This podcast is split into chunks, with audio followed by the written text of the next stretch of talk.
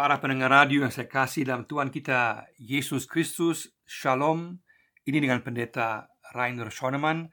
Pada saat ini kita bersama-sama akan merenungkan tema Anugerah Pengupahan Allah.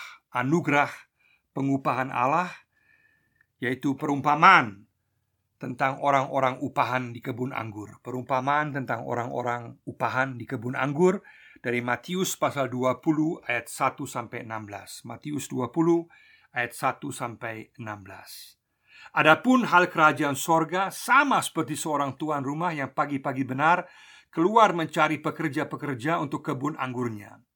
Setelah ia sepakat dengan pekerja-pekerja itu mengenai upah sedinar sehari, ia menyuruh mereka ke kebun anggurnya.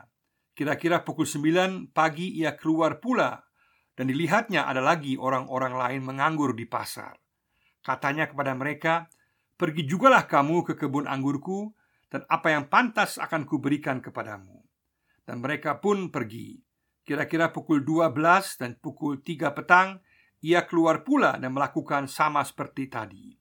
Kira-kira pukul 5 petang ia keluar lagi dan mendapati orang-orang lain pula, lalu katanya kepada mereka, Mengapa kamu menganggur saja di sini sepanjang hari?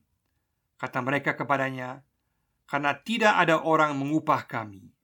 Katanya kepada mereka, Pergi jugalah kamu ke kebun anggurku. Ketika hari malam, tuan itu berkata kepada mandurnya, Panggillah pekerja-pekerja itu dan bayarkan upah mereka. Mulai dengan mereka yang masuk terakhir, hingga mereka yang masuk terdahulu. Maka datanglah mereka yang mulai bekerja kira-kira pukul 5 Dan mereka menerima masing-masing satu dinar. Kemudian datanglah mereka yang masuk terdahulu Sangkanya akan mendapatkan lebih banyak Tetapi mereka pun menerima masing-masing satu dinar juga.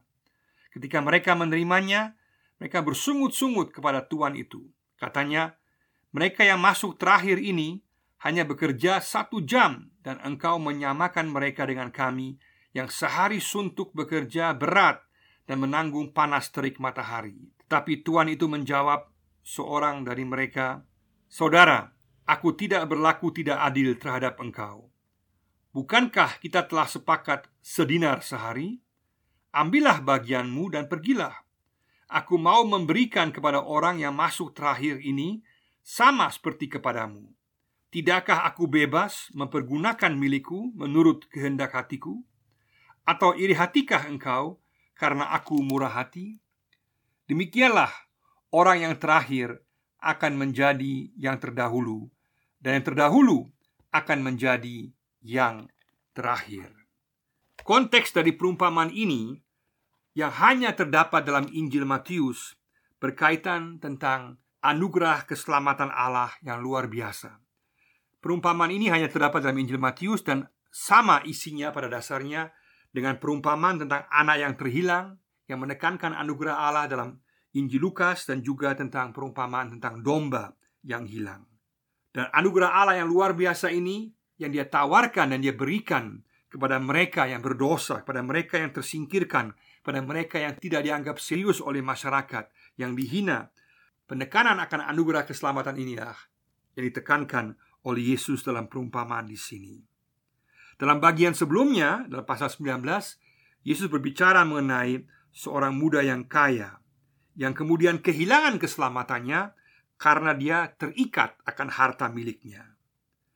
Tetapi kepada para murid yang mengikut Yesus, dia tekankan bahwa mereka yang telah meninggalkan segala sesuatu, maka Tuhan menjanjikan kepada mereka tahta kerajaan sorga.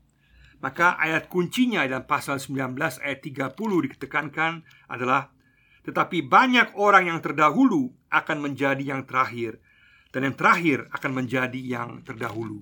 Sama juga dengan pasal 20 ayat 16 sama lagi Demikianlah orang yang terakhir akan menjadi yang terdahulu Dan yang terdahulu akan menjadi yang terakhir. Artinya Tuhan mau memberikan keselamatan kepada mereka Menawarkan anugerah keselamatannya kepada mereka yang terpinggirkan, yang terhina, yang dikucilkan oleh masyarakat, sehingga anugerah Allah berlaku juga untuk mereka, sehingga mereka yang dianggap terakhir kemudian akan menjadi terdahulu karena mereka mau menerima berita anugerah keselamatan yang Yesus berikan. Sedangkan mereka yang merasa diri baik, merasa diri sudah beres, merasa diri pantas diselamatkan, merasa diri bermoral tinggi, dan tidak memerlukan keselamatan anugerah Allah, maka mereka akan menjadi yang terakhir. Di sini ditekankan bahwa Allah memberikan upah kepada umatnya karena kebaikannya, karena anugerahnya, dan upahnya adalah sama bagi setiap orang yang percaya dan menerima Dia. Berarti bukan berkaitan dengan apakah seseorang itu layak atau tidak layak menerimanya. Tidak, anugerah Allah yang menentukan. Dan juga di sini bukan berkaitan dengan soal pembayaran gaji yang adil secara dunia ekonomi, secara manusiawi, bukan. Tetapi fokusnya adalah kepada kasih karunia anugerah Allah yang luar biasa dalam kemurahan hatinya. Ini merupakan suatu pengajaran yang sangat baru bagi Israel pada waktu itu. Karena orang dahulu beranggapan bahwa mereka pada saat mereka mengumpulkan perbuatan baik sebanyak-banyaknya, maka itulah yang akan menjamin upah di hadapan Allah. Tapi Yesus sangat tegas mengkoreksi pandangan umum ini yang salah ini dan menekankan bahwa dalam kerajaan Allah, dalam kerajaan sorga, yang berlaku adalah anugerah Allah yang diberikan sama kepada semua orang. Dan anugerah ini berlaku bagi siapa pun secara bebas dan juga berlaku penuh bagi semua yang sungguh-sungguh datang kepadanya dalam iman. Ada lima hal mendasar sesuai dengan struktur teks yang dapat kita lihat dalam teks ini, dalam perumpamaan ini ada lima hal prinsip yang penting yang perlu kita perhatikan bersama-sama sesuai dengan alur cerita perumpamaan ini. Yang pertama adalah Tuhan mencari pekerja bagi kerajaannya. Tuhan mencari pekerja bagi kerajaannya. Itu ayat 1 dalam ayat 1. Di sini gambarkan Tuhan yang juga melambangkan Tuhan sendiri, dia mencari pekerja-pekerja untuk kerajaan sorga. Konteksnya adalah kerajaan sorga di mana Allah mencari setiap orang yang mau masuk kerajaan sorga yang mau menerima berita keselamatan kerajaan sorga dan kemudian juga mau melayani dalam kerajaan sorga, mau terlibat dalam pelayanan. Tuhan mencari setiap orang, dan sampai hari ini Tuhan tetap mencari orang untuk diselamatkan dan juga orang-orang untuk terlibat dalam pelayanan dalam kerajaannya. Pertanyaannya adalah sejauh mana kita bersedia untuk dipanggil oleh Tuhan, bersedia untuk mau menerima keselamatan Tuhan, untuk mau terlibat dalam pelayanan. Tuhan mencari setiap kita. Yang kedua adalah waktu panggilan Tuhan berbeda-beda. Waktu panggilan Tuhan berbeda-beda. Dalam ayat 2 sampai ayat 7. Dalam perumpamaan ini digambarkan bagaimana si Tuhan dia mencari para pekerja dalam waktu-waktu yang berbeda, jam 6 pagi, jam 9, jam 12, jam 3 dan terakhir jam 5 sore. Mereka bekerja biasanya 12 jam dari jam 6 pagi sampai jam 6 sore. Maka di sini digambarkan bagaimana Tuhan itu penuh anugerah memanggil, mencari orang-orang dan juga memanggil mereka untuk menerima keselamatan dan juga menerima keterlibatan, boleh terlibat dalam pelayanan di tengah-tengah kerajaannya. Maka waktunya apakah seseorang dipanggil jam 6 pagi secara dini atau jam 9 atau jam 12 siang, jam 3 sore atau jam 5 sore itu tidak menentukan. Yang menentukan adalah jawaban terhadap panggilan Tuhan itu tadi. Jawaban terhadap anugerah Tuhan dan jawaban akan kesediaan untuk terlibat dalam pelayanan pekerjaan Tuhan. Dan sekaligus ditekankan bahwa Allah penuh anugerah sehingga dia memanggil orang setiap saat dan sampai hari ini dia tetap memanggil kita. Maka pada saat sekarang, pada saat kita rasa bahwa Tuhan memanggil kita, bahwa Tuhan mau supaya kita kembali kepadanya, kita mau bertobat kepadanya, kita mau sungguh-sungguh merubah hidup kita, mau beriman kepada Dia, menyerahkan hidup kita kepadanya, dan juga mau terlibat dalam pelayanan dalam pekerjaan Tuhan, maka kita boleh tahu bahwa bukan soal waktunya yang menentukan, tapi soal apakah kita menjawab panggilan Tuhan, dan semuanya berdasarkan kepada anugerah Allah yang luar biasa. Jadi bukan waktunya yang menentukan, bukan banyaknya pekerjaan yang kita lakukan yang menentukan, tapi kita menerima keselamatan Allah dan juga mau terlibat dalam pelayanan Tuhan. Maka pada saat ini Tuhan memanggil kita supaya kita sungguh-sungguh melupakan masa lalu kita. Sekarang kita melihat ke depan. Waktu Tuhan panggil kita berbeda-beda, tapi semua kita dipanggil untuk menjawab, untuk menerima anugerah keselamatan Allah dan terlibat dalam pekerjaan pelayanan Tuhan. Yang ketiga di sini adalah anugerah Allah memberikan upah yang sama. Anugerah Allah memberikan upah yang sama. Ayat 8 sampai ayat 11. Sungguh luar biasa digambarkan di sini bahwa Tuhan di sini menjanjikan pada mereka yang bekerja satu dinar. Bagi mereka yang bekerja pada jam 6 pagi, kepada mereka yang lain, dia katakan dia akan memberikan upah yang pantas bagi mereka. Yang luar biasa adalah bahwa Allah dalam kemurahannya, dalam kebaikannya, dia memberikan upah yang sama bagi semua. Semua memperoleh satu dinar yang merupakan upah yang normal pada waktu itu upah yang biasa bagi setiap pekerja harian. Terlepas apakah dia baru datang terlambat jam 5 sore, jam 12 siang atau jam 6 pagi, semua dapatkan upah yang sama. Di sini kita lihat bahwa Allah memutarbalikan pemikiran duniawi, keadilan duniawi. Karena keadilan Allah berkaitan kepada kasih Allah, berdasarkan kepada kasih dan kemurahan Allah yang memberikan upah yang sama kepada setiap kita. Maka Allah menepati janjinya. Dia mengatakan bahwa dia akan memberikan satu dinar upah kepada mereka yang bekerja di awal. Kemudian dalam anugerahnya, dia juga memberikan satu dinar pada semua pekerja yang lain yang masuk kerja pada jam-jam yang berbeda. Kita tahu bahwa mereka yang dipanggil kemudian yang berada di pasar biasanya lah para pekerja yang dianggap kurang berguna, yang dianggap kurang baik. Tapi Tuhan di sini juga mengatakan bahwa dia memanggil setiap mereka yang dianggap kurang baik oleh dunia, yang dianggap kurang pantas atau disingkirkan oleh dunia. Tuhan memanggil setiap mereka, dan kemudian Dia memberikan upah yang sama kepada setiap orang yang percaya kepadanya, setiap orang yang mau menjawab anugerah Allah dan mau terlibat dalam pelayanan, dalam pekerjaan Tuhan. Sungguh luar biasa di sini, upahnya yang sama, sehingga kita boleh tahu bahwa Kapan pun Tuhan memanggil kita dan pekerjaan Tuhan Kita juga menjadi percaya kepada Tuhan.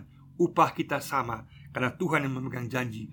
Tuhan yang penuh anugerah Tuhan yang penuh kemurahan Dan dia adil Karena dia mau memberikan dalam kebaikannya upah yang sama pada setiap orang percaya. Yang keempat adalah Protes manusiawi yang tidak memahami anugerah Allah. Protes manusiawi yang tidak memahami anugerah Allah. Ayat 12 di sini sangat jelas digambarkan bagaimana kemudian mereka yang bekerja dari awal mereka memprotes kepada Tuhan karena mereka merasa diri bekerja lebih lama. Memang benar secara manusiawi protes mereka dapat dipahami karena mereka bekerja lebih lama daripada yang lain.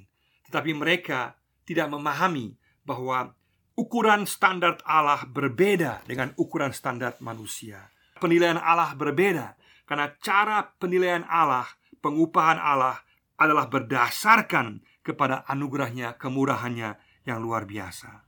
Sungguh luar biasa bahwa Tuhan kemudian di sini memberikan upah yang sama. Hal yang sama Yesus juga tekankan dalam perumpamaan anak yang terhilang di mana ditekankan penerimaan Allah kepada mereka yang terpinggirkan, pada mereka yang berdosa dan menjadikan mereka warga kerajaan Allah secara penuh bukan warga kerajaan Allah kelas 2 Dan juga sesuai dengan pengajaran Yesus secara keseluruhan bahwa Allah sungguh-sungguh menerima setiap orang yang datang kepadanya dan berharap kepadanya.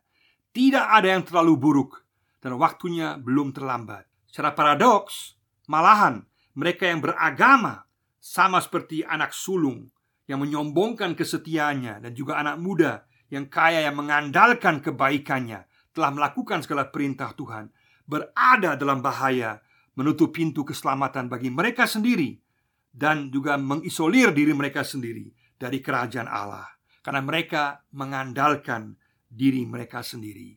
Di sini sangat kuat ditekankan bahwa keselamatan kita adalah sungguh-sungguh hanya berdasarkan anugerah Allah, bukan waktu kerja kita, bukan kesetiaan kita. Tapi pada saat kita setia, itu karena kita telah diselamatkan. Kita bukan setia supaya kita selamat, tapi kita setia dalam pekerjaan Tuhan, setia mengikuti Tuhan karena kita telah diselamatkan. Sehingga anugerah keselamatan adalah sama untuk setiap orang yang percaya dan berharap kepada Yesus. Mari sama-sama kita sungguh-sungguh katakan kita mau sungguh-sungguh menerima keselamatan dari Yesus. Kita mau sungguh-sungguh mencukuri bahwa upah yang dia berikan janjinya adalah pasti bagi keselamatan kita kekal selama-lamanya. Yang kelima di sini adalah yang kelima adalah kedaulatan anugerah Allah yang bebas dan murah hati. Kedaulatan anugerah Allah yang bebas dan murah hati. Di sini Yesus memberikan jawaban kepada mereka yang bersungut-sungut, memberikan penjelasan kepada mereka dengan berbagai kalimat yang sangat menentukan bahwa Allah sendiri yang berdaulat, Allah sendiri yang punya hak. Dikatakan, "Bukankah kita telah sepakat?" Artinya bahwa Allah tetap memegang janjinya, dia memberikan apa yang telah dia janjikan. Juga dikatakan, "Tidakkah aku bebas?" Berarti Allah berdaulat dan bebas untuk memberikan sesuai dengan anugerahnya. Ataukah kamu iri hati karena aku murah hati? Yesus tekankan ini bahwa Allah adalah Allah yang penuh dengan kemurahan hati Sehingga Allah digambarkan sungguh-sungguh berdaulat Yang memegang janjinya Dan kemudian dia juga penuh dengan kemurahan hati Sehingga semua pekerjaan di sini mewakili umat Tuhan Yang bekerja dalam kerajaannya dan nampaknya ada yang pantas menerima lebih daripada yang lain, tapi semua diupahi sama. Di sini Yesus tidak mengajarkan kita untuk dapat mengamankan keselamatan kita. Juga bukan tentang berbagai jenis kualitas pekerjaan yang dilakukan oleh para pekerjanya, bukan.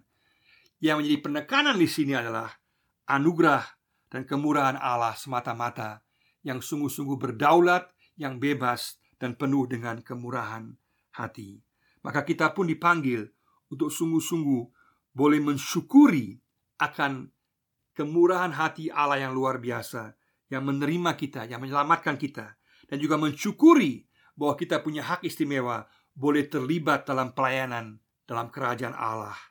Maka soal upah adalah soal Tuhan karena Dia yang berdaulat, Dia yang murah hati dan Dia memberikan sama pada setiap orang yang percaya kepadanya.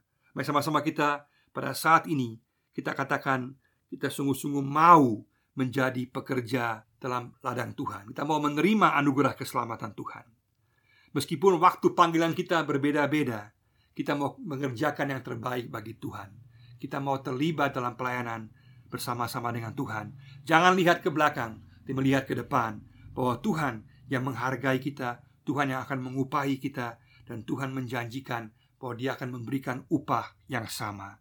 Kita boleh bersyukur bahwa anugerah pengupahan Allah berbeda dengan cara penilaian duniawi.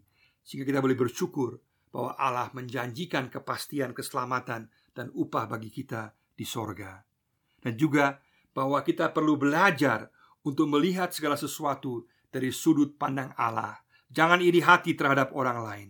Juga jangan merendahkan orang lain atau menganggap orang lain kurang pantas atau merasa diri lebih pantas daripada orang lain. Semua pemikiran ini salah karena yang menentukan adalah pemikiran Allah, cara pandang Allah yang penuh dengan anugerah, penuh dengan belas kasihan. Dan kita semua adalah orang berdosa yang diselamatkan dan kemudian dilayakan untuk menjadi teman-teman sekerja Allah dalam pekerjaan Tuhan di mana pun kita berada. Mari sama-sama kita mensyukuri atas keselamatan yang Tuhan berikan, mensyukuri atas panggilannya bagi kita, bahwa kita boleh terlibat dalam pelayanan tengah-tengah pekerjaan Tuhan, dan kita mensyukuri bahwa semua kita diselamatkan bukan karena usaha kita, tapi sungguh-sungguh karena kemurahan Allah yang luar biasa. Mari kita syukuri anugerah pengupahan Allah yang menjanjikan hal yang pasti bagi kita, keselamatan dan upah di sorga yang pasti, yang penuh dengan kemuliaan bagi setiap orang yang percaya kepadanya. Yang terakhir akan menjadi yang pertama, artinya mereka yang sungguh-sungguh menerima keselamatan Tuhan akan menjadi pertama, akan diupahi, akan diselamatkan. Tapi mereka yang merasa diri mampu, merasa diri pantas, mereka akan menjadi terakhir, malah mereka akan ditolak oleh Tuhan karena pengupahan Tuhan berdasarkan kepada anugerah keselamatan Allah dan berdasarkan kepada kemurahannya dan berdasarkan kepada jawaban kita atas panggilan Tuhan. Mari sama-sama kita katakan, kita mau menerima keselamatan Tuhan dan kita mau menjadi pekerja-pekerja Tuhan di mana pun kita berada dari saat ini sampai kekal selama-lamanya. Tuhan memberkati kita semua. Amin.